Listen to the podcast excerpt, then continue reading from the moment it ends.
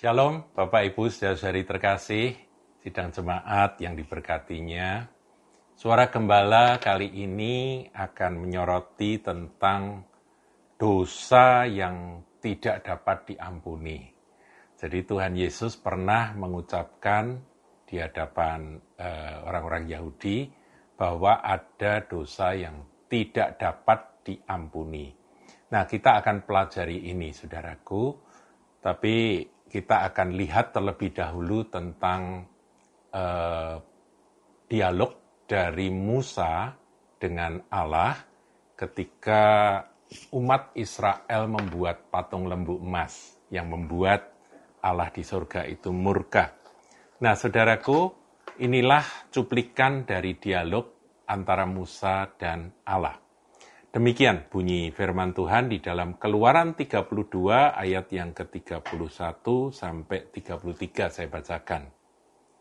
Lalu kembalilah Musa menghadap Tuhan dan berkata, "Ah, bangsa ini telah berbuat dosa besar, sebab mereka telah membuat Allah emas bagi mereka. Tetapi sekarang, kiranya engkau mengampuni dosa mereka itu, dan jika tidak, hapuskanlah kiranya namaku dari dalam kitab yang telah kau tulis. Ayat 33, perhatikan saudara, ayat 33 berbunyi, Tetapi Tuhan berfirman kepada Musa, Siapa yang berdosa kepadaku, nama orang itulah yang akan kuhapuskan dari dalam kitabku. Jadi ayat 33 ini jawaban Tuhan kepada permintaan Musa, permohonan Musa supaya eh, dosa umat Israel itu diampuni. Dan ya Musa sedikit sedikit mendesak dan bahkan menurut saya ini Musa mengancam Tuhan ya. Dengan tanda kutip saudara mengancam Tuhan dengan berkata kalau engkau tidak mau mengampuni umat Israel ini Tuhan, bangsaku ini, hapuskanlah kiranya namaku dari dalam kitab yang telah kau tulis.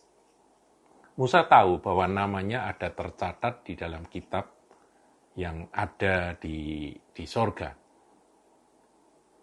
Tetapi dia rela, kalau memang engkau tidak mau mengampuni akan umat Israel yang berdosa ini, hapuskan namaku. Nah, jawaban Tuhan, saudara, tetapi Tuhan berfirman kepada Musa, siapa yang berdosa kepadaku, nama orang itulah yang akan kuhapuskan dari dalam kitabku.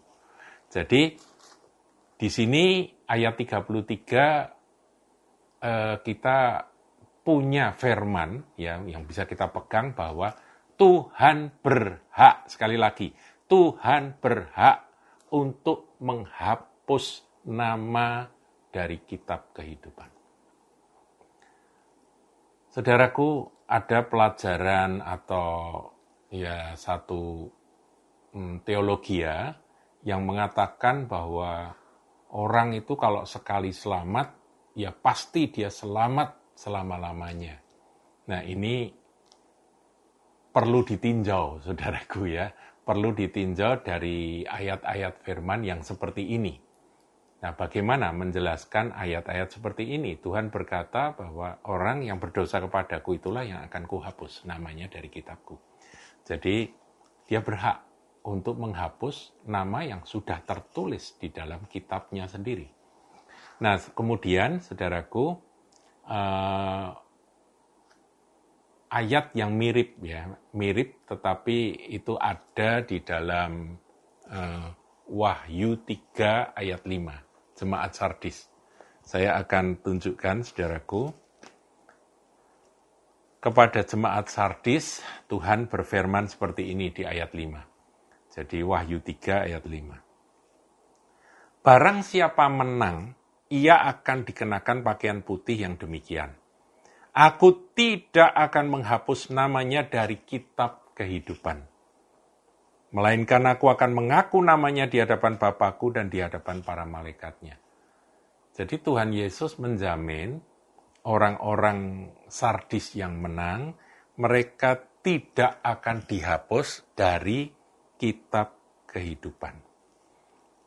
Berarti kalau sampai Tuhan menjamin begitu, Tuhan berjanji seperti itu, ada juga orang-orang yang namanya terhapus dari kitab kehidupan.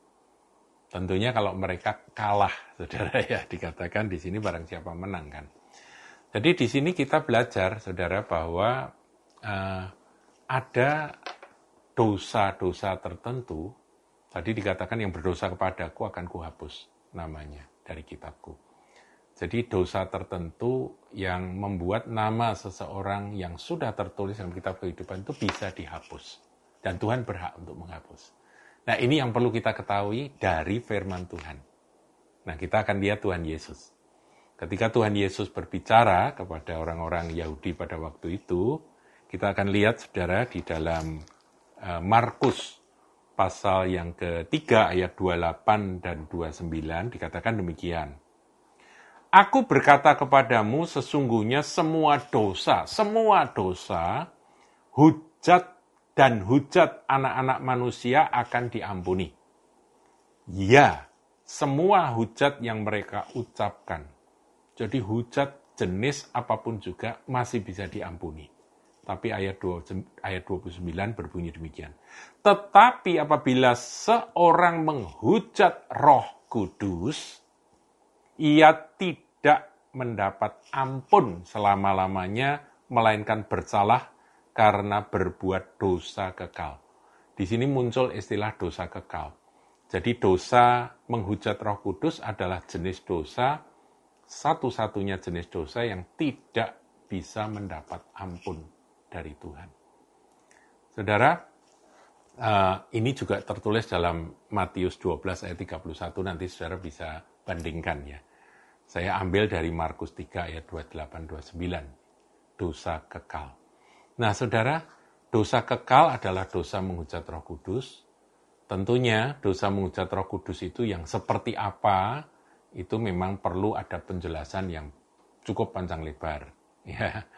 Tapi menurut saya dosa menghujat Roh Kudus itu adalah nah, dosa yang ketika Roh Kudus itu bekerja dengan begitu rupa, orang itu uh, kemudian menentang, menolak akan karya Roh Kudus itu, maka akibatnya dia dianggap menghujat Roh Kudus.